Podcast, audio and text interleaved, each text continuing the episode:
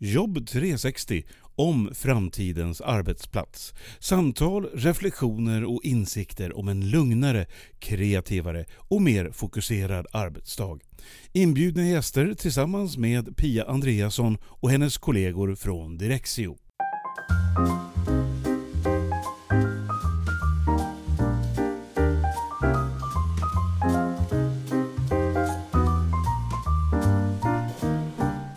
Ska jag snart prata med Gustav Molnar igen.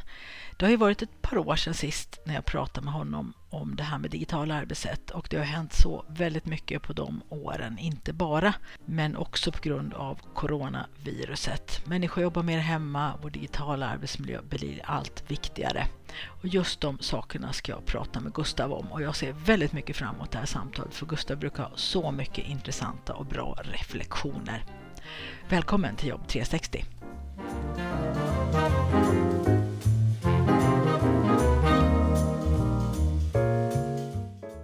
Välkommen igen Gustav Monar till podden här Jobb 360. Vad kul att du vill vara med igen. Ja, men självklart Pia, vad roligt att vara här igen. Det har gått ett tag sedan sist och det har hänt en hel del. Det har hänt en hel del, ja precis, inte minst det senaste halvåret, för det är november här 2020 när vi spelar in det här, så mm. vi har ett halvår bakom oss med coronavirus och covid och så vidare. Och det vi ska prata om idag är ju vilka förändringar som ni på Divo har sett under det här mm. halvåret. Vad har hänt och särskilt nu efter sommaren och det mm. tänkte jag att vi skulle prata om. Vad ser du nu? På vilket sätt arbetar folk annorlunda nu jämfört med, mm. med förra hösten då man säger ett år sedan? Förutom att de arbetar mycket mer från ett hemmakontor, men, men själva sättet hur de arbetar? Det är en ganska bra fråga. Vi kan se att det är framförallt först nu som vi verkligen börjar se resultatet av det här halvåret.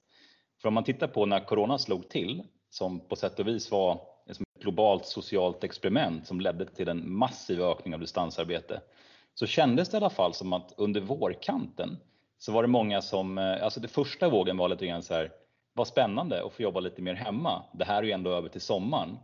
Och sen så möttes jag sanningen att den här globala krisen som det faktiskt mångt och mycket är, den kommer att hålla sig fast ganska mycket längre och nu ser vi liksom inte riktigt var det kommer sluta utan nu var ju sen budskapet att det här kommer hålla i sig året ut. Och någonstans där så var det som en svacka ifrån att det var lite, lite lustigt med alla roliga digitala after work, det var många som la ut och liksom kände det här är kul. Så kom den här lilla släggan skulle jag säga där man både började se utmaningarna med distansarbete och man började även begrunda möjligheterna.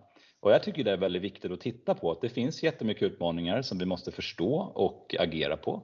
Men det finns jättemycket möjligheter med att jobba på distans.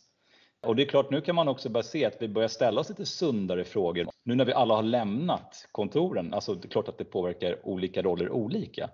Men det är också nu som man bör, kan, kan börja fundera på hur ska vi bygga morgondagens arbetsplats på ett bra sätt? Vad gör vi annorlunda nu jämfört med förra hösten? Distansarbetet i sig är ju egentligen ingen fluga utan det, det var ju på gång innan. Såklart så är det mycket, mycket mer omfattande nu. Men nu kan man på riktigt börja se effekten av det. Och jag tror väl att det är en stor förändring som har hänt. Det är att vi börjar också ta den digitala arbetsmiljön eh, på allvar och börja betrakta den. Exakt. jag har tjatat. Men kan inte du känna att du också varit där ute och missionerat runt så här, vi måste jo. börja titta på våra digitala beteenden?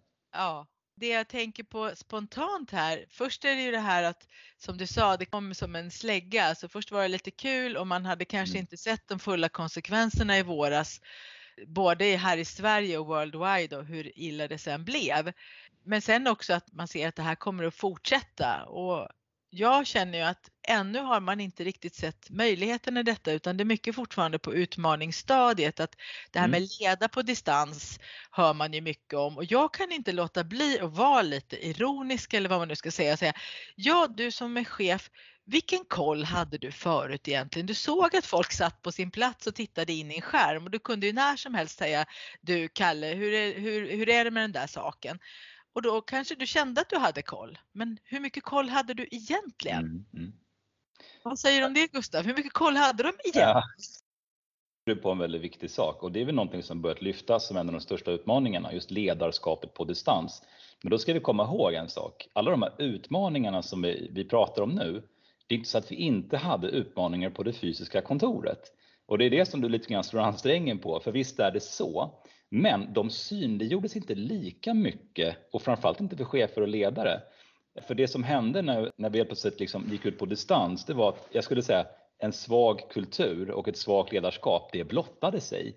Och titta nu på organisationer presterar när jag jobbar på distans. Vissa går ju jättebra, till och med bättre. Alltså vdn på Ericsson nu, för liksom, när de släppte kvartalsrapporten och gjorde liksom ett bättre resultat än väntat. Trots, eller kanske på grund av, att 80% av medarbetarna jobbar hemifrån. Samtidigt har du andra organisationer som skulle kunna ha samma förutsättningar men de presterar sämre. Jag tror mig se att en viktig sak här är ju det kulturella, både medarbetarskap och ledarskap. Eh, så är det. Hur ser man det där då? Jag skulle säga att alltså, som ledare behöver man ju, eller egentligen alla människor behöver väl lyfta vissa färdigheter i en allt mer liksom, digitalt arbetsliv. Men många chefer sprang ju på den här minan direkt när medarbetarna liksom var tvungna att sitta hemma och jobba. Så var det den här, oj, kan jag verkligen lita på att mina medarbetare jobbar nu? Eh, när jag inte ja. har dem över axeln än till att börja med, liksom att, att det var på det viset att chefen förmodligen förut också gick omkring och undrade, jobbar de egentligen? Men Exakt. man ser ju i alla fall att de sitter där framför datorn så kanske gör de det och så kände sig den chefen då något tryggare. Men när han inte ens eller hon inte ens såg dem. Det du säger nu, jag pratade med en person här för några veckor sedan som sa så här att jag har mycket mer kontakt med mina kollegor nu än vad jag hade förut. Därför att nu har vi den här check-in varje morgon säger hej till varann och så vidare en kvart, 20 minuter och då ser jag alla mina kollegor och vi morsar på varann. Så var det ju inte på kontoret. Nej. Då gick man in och satte sig och jobbade bara och kanske inte hejade på någon ifall man kommer lite sent för man vill inte störa. Vad var sannolikheten att vi gjorde så eh, i våra digitala möten med incheckningar och sånt innan pandemin? Nej, det var Nej exakt. inte. Och, och sen det här också att som du säger med leda på distans och så vidare. Det handlar ju helt enkelt om att ha en vettig dialog med var och en medarbetare om vad, vad, är, vad ligger för dagen, vad ska du uppnå, hur är tanken och sen vara till hands och vara mm. till stöd. Och just de bitarna går väl lika lätt eller lika svårt vare sig det är digitalt eller fysiskt. Jag menar man ska kunna stötta en person även om man inte har henne framför sig i sin kropp tycker jag. Ja det stöder ju inte att jag är en fysisk person med en kavaj eller något i den stilen eh, på mig utan det är ju vem jag är för den personen. Oh ja. Jag tycker du lyfter en sak som är ganska intressant också, just det här med incheckningar som börjar liksom sprida sig och sätta sig ganska mycket också. Får du också känslan ibland att, det finns vissa människor och chefer och ledare som missuppfattar lite grann vad en incheckning är? Även om vi börjar bli bättre på att ställa frågan hur mår du och inte bara hur går det? Men Eh, kan du känna att man kan missuppfatta lite grann en incheckning? Nej, du får gärna utveckla det. Den har jag inte hört eller tänkt på. Ja, den här är en ganska intressant spaning för att säg både så tät kommunikation och planera in liksom att man har täta avstämningar och att man har incheckningar med sina medarbetare och sitt team blir väldigt, väldigt viktigt. Eh, då har jag uppdagat, dels när vi har pulsat lite grann på chefer och ledare som får uttrycka sig lite grann om hur de ser på sina egna färdigheter, vad de gör och inte gör och så vidare.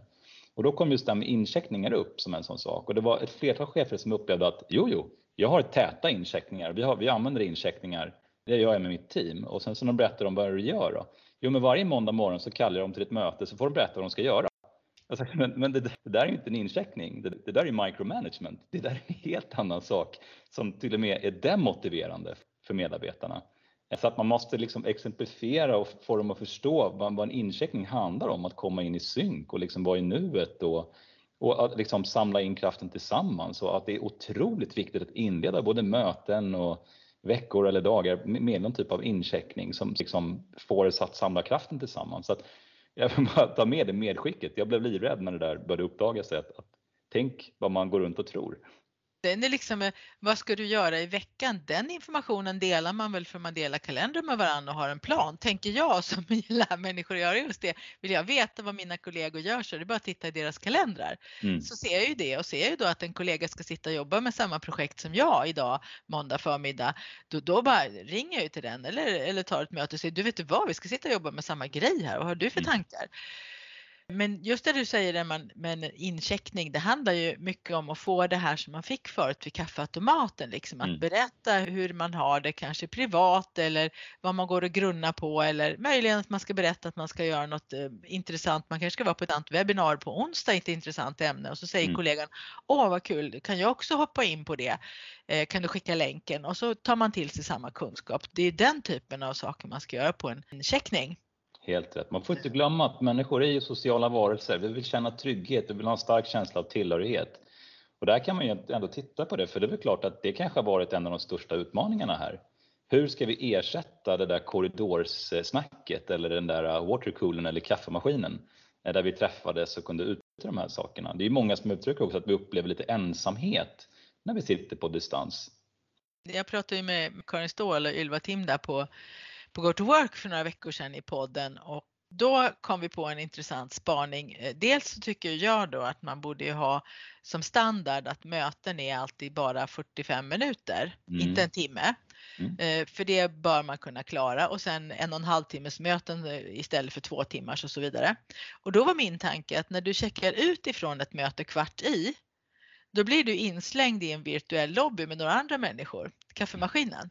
Mm. För dit skulle jag gått till kaffemaskinen efter ett mm. möte i vanliga fall och träffat några människor och sagt hej. Ja. Och så, så det tyckte vi att Microsoft skulle göra en sån funktion. Ja. Och det är samma som att du rör dig från ett ställe till ett annat så träffar du människor i vissa korsningar på kontoret där mm. och säger hej och så. Det skulle vara just den delen då. då.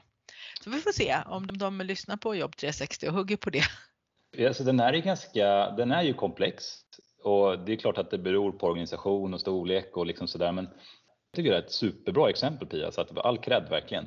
Det är tre delar i den där som, som man måste få med. Första är ja, men det här lilla kaffemaskinen med sitt team eller med medarbetare som, ja men där man har lite rutiner som måste komma in i det digitala. Det är många som har typ, eh, om, oavsett om man kör Teams eller Slack vad man kör, man har en kanal som heter kaffemaskinen. Och där har vi sett att många har börjat upprätta sådana. Men att det är viktigt också att börja schemalägga lite fikastunder så att de finns där, precis som du nämnde, så att det, det kickar igång efter möten eller mellan möten. Men det kan vara morgonkaffet eller lunchkaffet. Det här måste vi träna på. Vi behöver träna på att ha de här sakerna digitalt och bli mer mänskliga och kunna ta sådana en kaffe och sådär.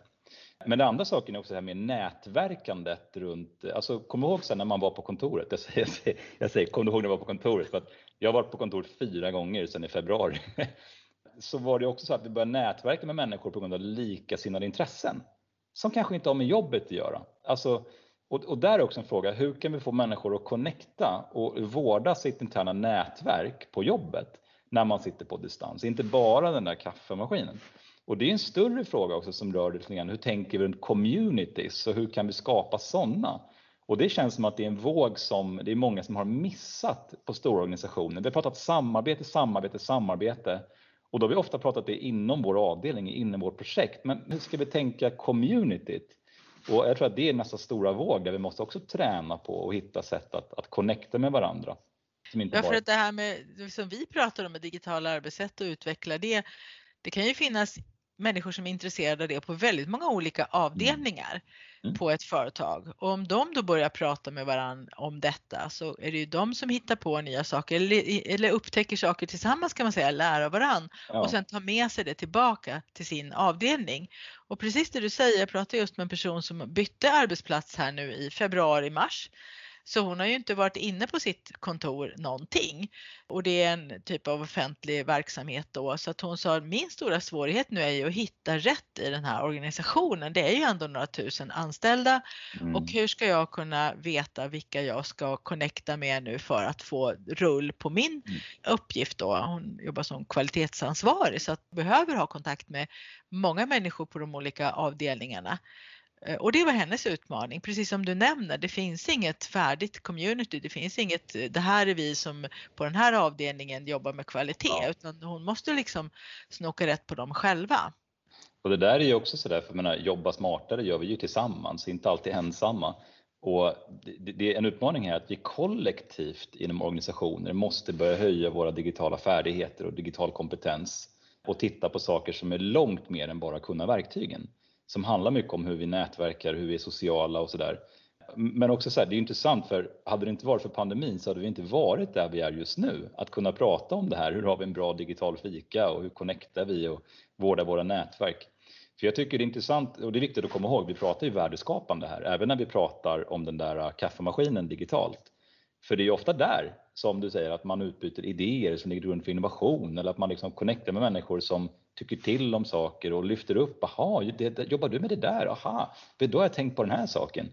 Och, och så liksom händer magiska saker. Så att det där är en viktig del att man faktiskt får till den här idén som vi nämnde nyss då med den här att man blir inkastad i en kaffemaskin före och mm. efter möten.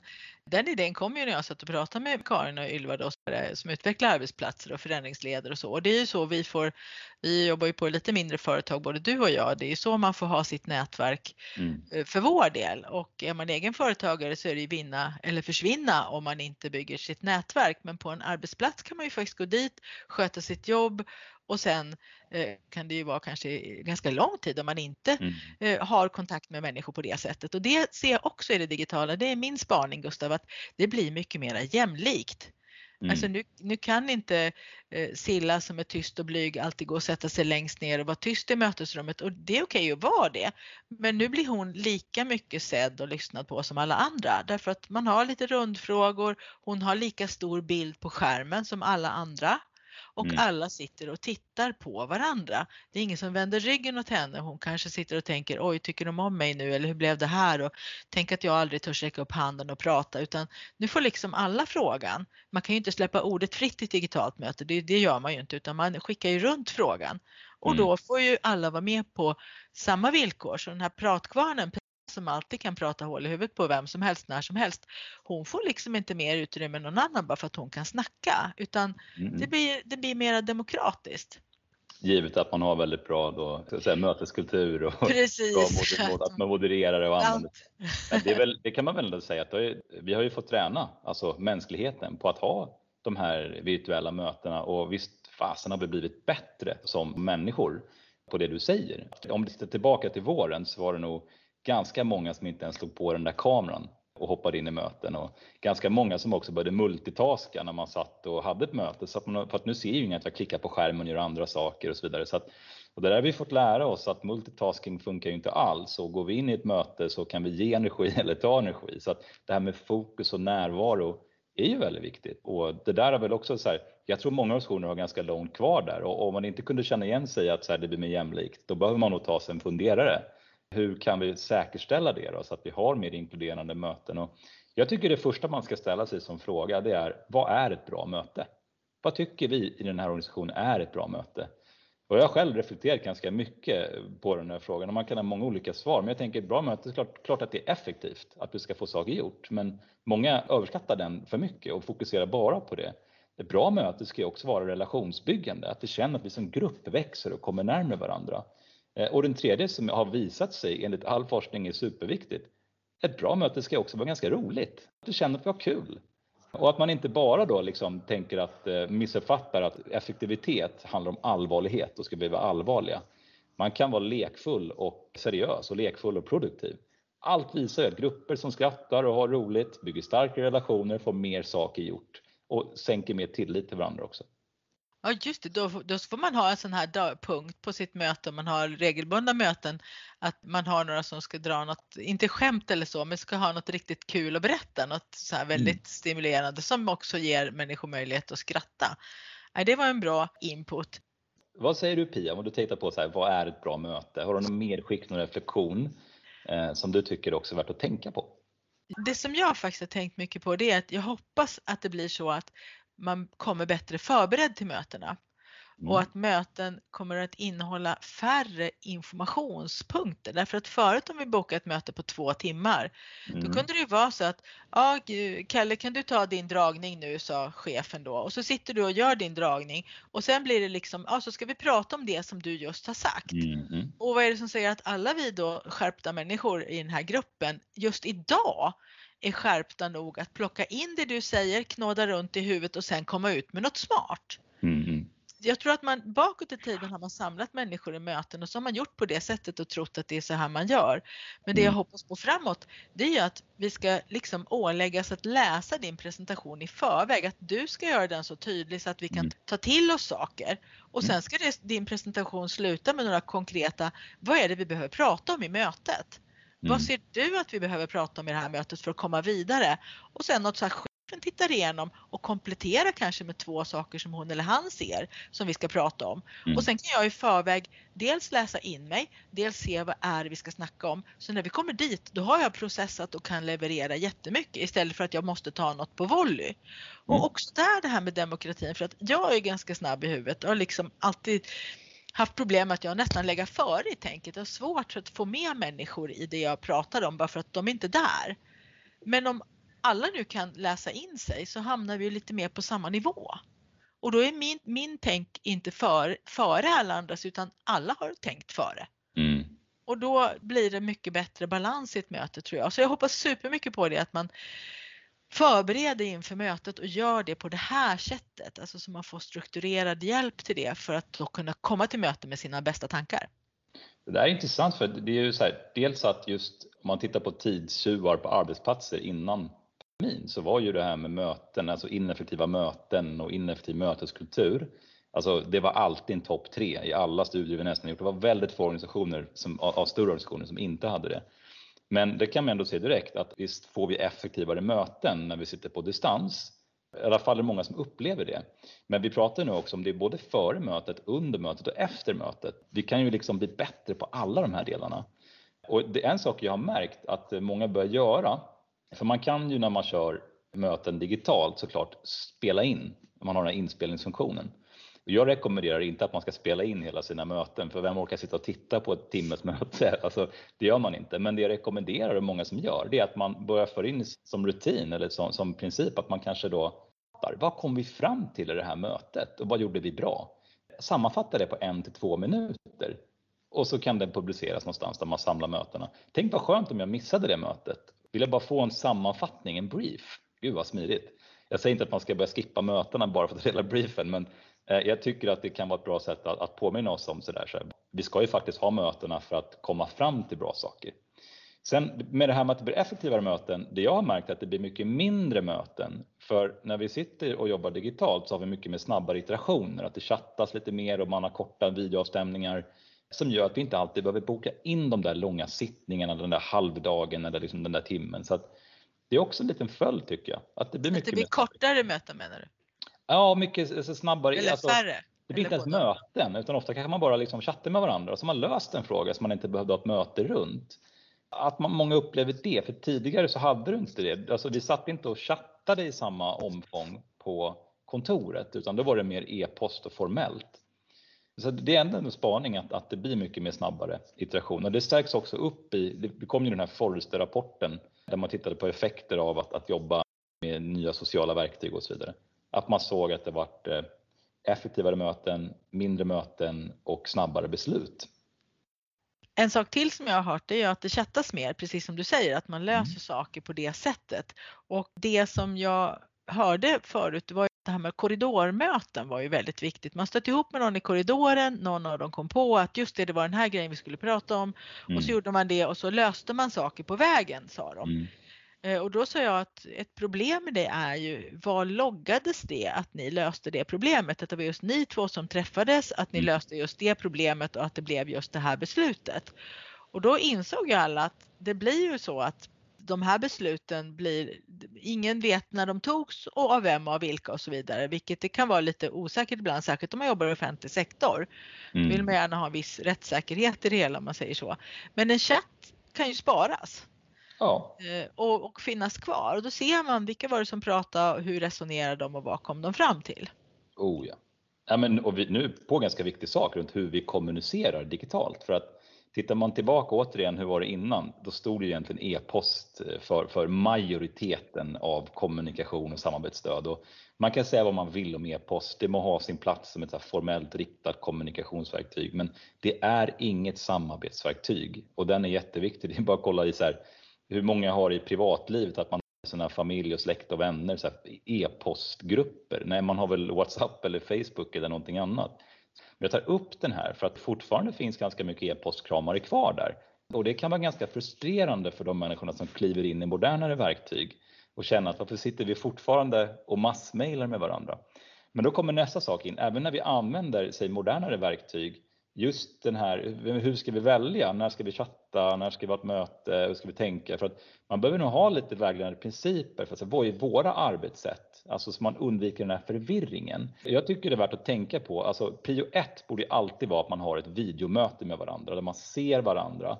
Klart man kan, man kan chatta och göra sådana saker också, men man går ju miste om kroppsspråket. Och jag tycker det är ganska intressant. Hur viktigt är kroppsspråket i förhållande till tonalitet eller orden vad vi säger? Och det finns ju en, eh, en studie som heter hon, Merabian gjorde på 60-talet som är jättefel citerad. Jag har ju sett många föreläsare kliva upp och säga så här, visste du att kroppsspråket står för 55% av vad du säger? Det stämmer faktiskt inte. Det är vad du säger, alltså orden är fortfarande det viktigaste. Därför funkar ju chatten ganska ofta. Det här med 55% det är när vi, när vi kommunicerar runt känslor och attityder och är i konflikter.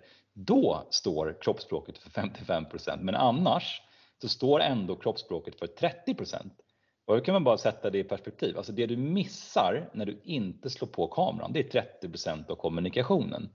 Så att fundera på det. Alltså det är det vi missar, så att det är väldigt värt att slå på det och det underlättar väldigt mycket. Jag håller ju absolut med om att man ska ha kameran på. Vi har ju det nu och jag du Gustav när ja, vi pratar. Om nätverket, om nätverket tillåter får man tillägga Ja precis, om nätverket tillåter. Det vi behöver reflektera över är ju också när är kroppsspråket till nytta? För mm. att ibland så är det inte det. Om man tänker sig i en vanlig mötesrum då, då så kan man göra väldigt mycket dumma saker också med kroppsspråket. Kanske utan att tänka på det eller kanske medvetet till och med om man använder någon typ av härskarteknik. Och det är ju mycket svårare att göra om vi träffas digitalt och kanske faktiskt i ett visst möte bara har rösten. Mm. Jag håller ju jättemycket kurser nu via Teams och även via Zoom och det är väldigt olika om människor har kamera på eller inte. Och jag kan ju säga att mm. jag har ju grupper om så 12, 15 och upp till 20 personer och då har de för det mesta inte kamerorna på. Nej. Så jag jobbar ju bara med min röst. Det och det har ju jag fått utveckla väldigt mycket, att, att lägga väldigt mycket mer i rösten som jag inte kan lägga i kroppen. Just det. Och det, det behöver någon... man eh, kanske också öva på. Men hur känner du då? För att om du tar back in the days då, vi mm. pratar livet ja. före och livet efter. Men back in the days om du skulle hålla en kurs eller en föreläsning eller ett webbinar så stod du i ett rum och så kunde du se alla människor framför dig. Ja. Eh, och sen så plötsligt så ser du inte deras reaktioner. För jag, det vet jag också så här, när man har digitala möten så finns det någon gräns. Alltså är det 100 anslutna eller 20 anslutna? Ja, ja, ja. Det, det är jättesvårt att ta in den upplevelsen. Men hur känner du själv eh, liksom, eh, utifrån eh, hur, hur det gagnar dig när du håller webbinar eller kurs? Och liksom... Jag skulle säga att jag i så fall gagnas av att inte se de fysiska reaktionerna. Mm. När jag började hålla kurser så fick jag ju träna väldigt mycket på att inte respondera och reagera på ett par korslagda armar eller att någon tittade bort eller någon satt och himlade med ögonen. Sånt kan man ju göra absolut utan att man menar ett dugg mot eh, den som håller kursen. Det kan ju vara något helt annat som man tänker och det behöver man ju hålla mentalt i huvudet när man höll kurs. Så det var ju en träningssak mm. och eh, det, det, måste man bli bra på om man håller föreläsning. Man kan inte stå inför 300 personer som du har gjort så många gånger Gustav och så sitter någon på första raden och lägger armarna i kors och tittar ilsket. Du får ju inte reagera på det någonstans. Jag har hört att vissa föreläsare då säger att det är en jobbig del i att vara föreläsare och då tänker jag att du om du ska stå inför 300 personer ganska ofta så måste du öva bort den, den reflexen hos dig själv.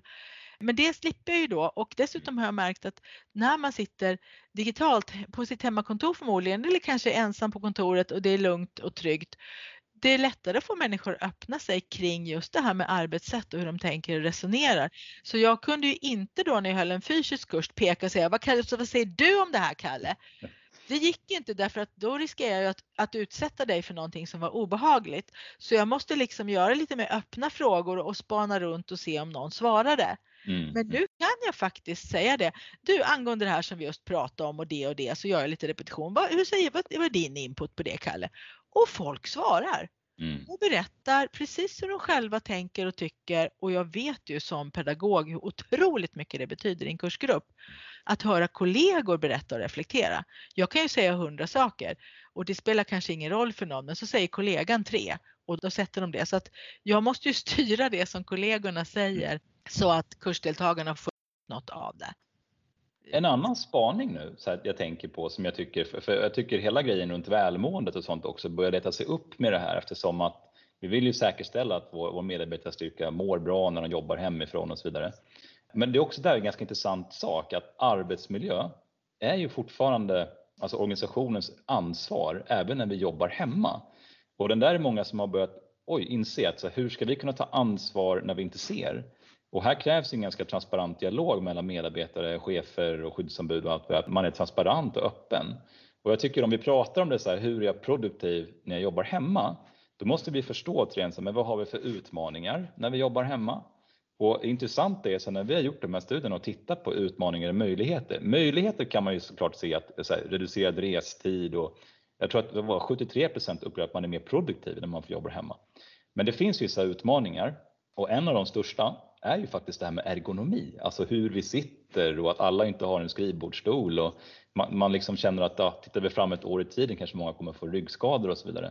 Men just att se över hur vi jobbar hemma och hur vi är produktiva, det, det kommer ju stiga upp och då är frågan vad börjar det, vad slutar det? För att vad är produktivitet någonstans? Och då kommer ju in saker som sömn, det kommer in saker som träning innan jobbet som vi pratade om det här. Du älskar ju att gå dina eh, promenader och stavgång och allt vad det är Pia. Att det finns massa studier som visar att träna innan jobbet, sova minst 7,5 timme, äta rätt och dricka tillräckligt mycket vatten. Alltså det om något skapar ju mer produktivitet. Och det känns som att hela HR-perspektivet på det digitala nu på riktigt börjar kliva in och ta ett ansvar. Ja, det är helt fantastiskt därför att nu kan de inte ducka längre för det att den digitala arbetsmiljön är en del av arbetsmiljön för att mm. vi har ju burit med oss den hem. Den är, ju, den är ju helt uppenbar att det är en stor del av arbetsmiljön. Men det mm. som vi var inne på förut, det här med det här sociala. Jag är lite fascinerad för du säger, de nämner ju ofta det här med ergonomin och hur man sitter och mm. så vidare. Och jag skulle säga att man rör på sig, man kan röra på sig, man kan resa på sig ibland, man kan rigga vid ett köksbord med en vanlig köksstol så länge du rör på dig tillräckligt mycket och ändå har hyfsad, sänker axlarna och så vidare, tangentbord. Varför inte släppa musen och köra touchplatta? Det undrar jag. Varför, varför har vi mus egentligen vi rider ut vår höger och vänsterarm? Det är helt absurt. Men vi lämnar, vi lämnar den biten. Men just, just det här att den mentala arbetsmiljön att den också är en del av arbetsmiljön. Varför Absolut. fokuserar de bara på ergonomin och varför tänker Nej. de inte på hur ska vi kunna må bra tillsammans som du var inne på förut när vi sitter hemma? Hur ja. riggar man det? För det är ju ännu viktigare tror jag.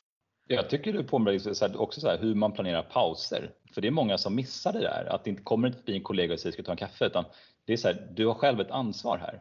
Och optimalt är inte att sitta en hel dag och inte ta pauser utan, och just det här som du nämnde med möten också, har du möten som börjar 9 och nästa börjar 10 och en timmes möten, då klickar du mellan två möten, du hinner inte ens ställa om. Och det här det, det kommer få Alltså det, det, påverkar oss, liksom, gör oss stressade och stress är en risk. Och så Man hinner inte ens gå på toa ju. Det är ingen som har Nej. pratat om det, risken för urinvägsinfektion för att folk inte hinner gå på toa på hela dagen. Nej, men det, det, är typ en sån sak. Så att det är jätteviktigt att frigöra luft och tid. Det finns ju återigen, det är klart att vi kan ta som individer ett ansvar, men jag tror att här behöver vi kollektivt titta på hur ska vi tänka runt pauser? Jobba 90 minuter, 20 minuter paus eller liksom skärmtrötthet. Man kanske inte klarar mer än 45 minuter i skärm och sen behöver man nog liksom göra någonting annat, gå ut och ställa sig i skogen och skrika. Men det är också intressant på det där med kommunikation och det sociala.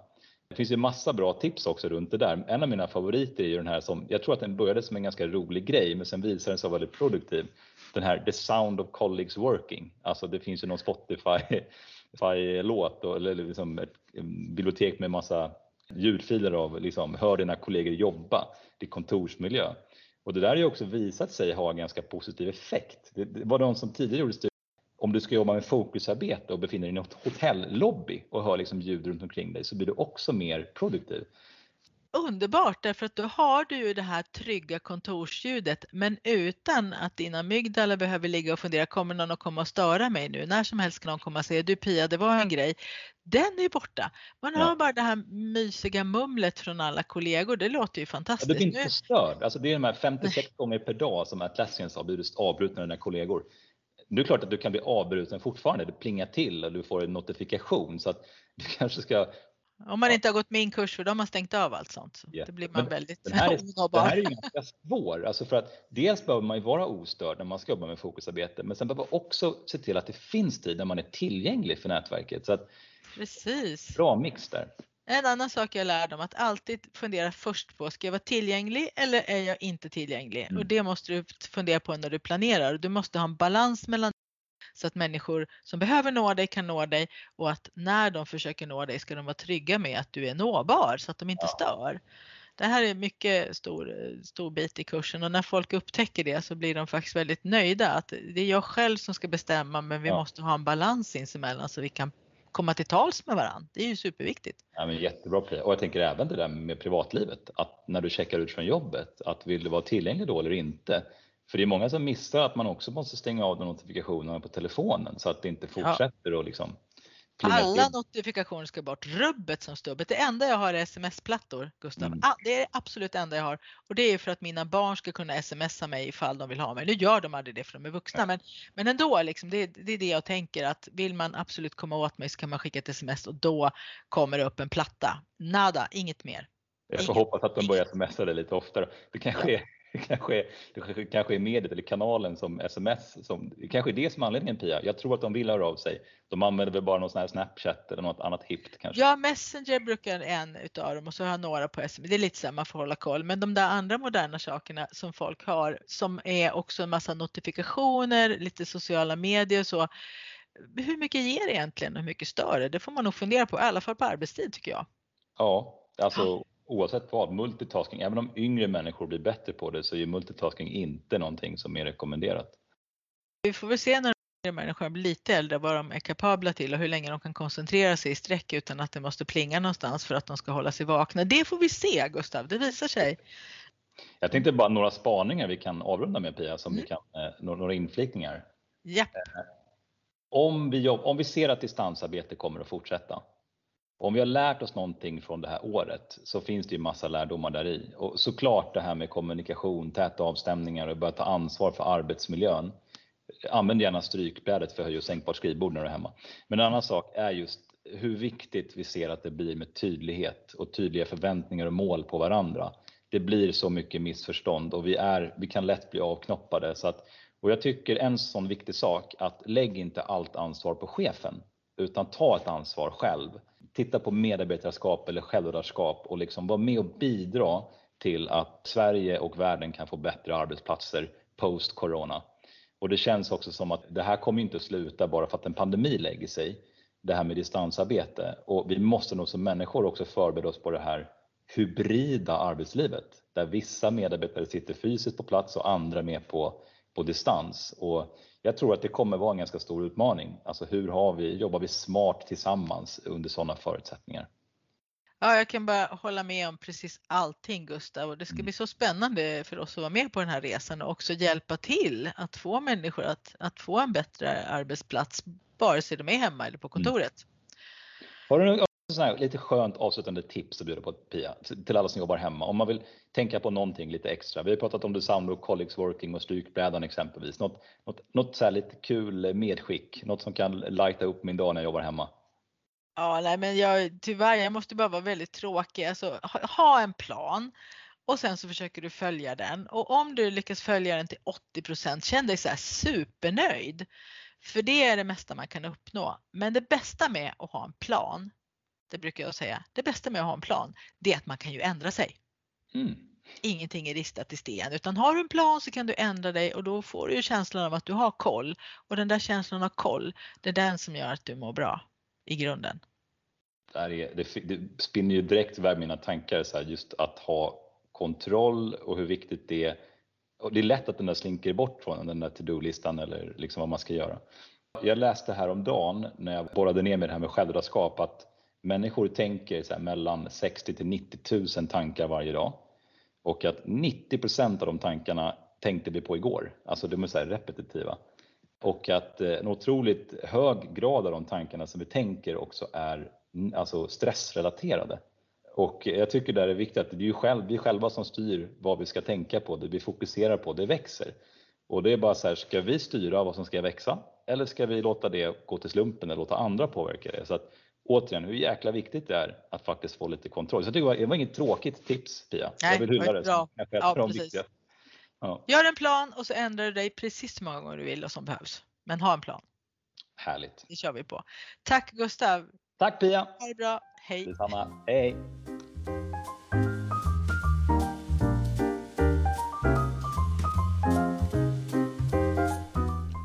Vi är sociala varelser som behöver trygghet, sa Gustav. Och det stämmer ju verkligen. Så hur skapar man det på framtidens kontor? Hur kan man veta när man kommer till kontoret vilka är det som är där? Kommer jag kunna samarbeta på ett bra sätt? Och även om jag väljer att jobba hemma, vilka kommer jag kunna möta idag? Kommer jag få tag på de personer jag behöver och kommer jag bli sedd och uppmärksammad för det jag gör och för den jag är? Superviktiga frågor att ta med sig in i framtiden tycker jag. Tack för att du lyssnar på Jobb 360.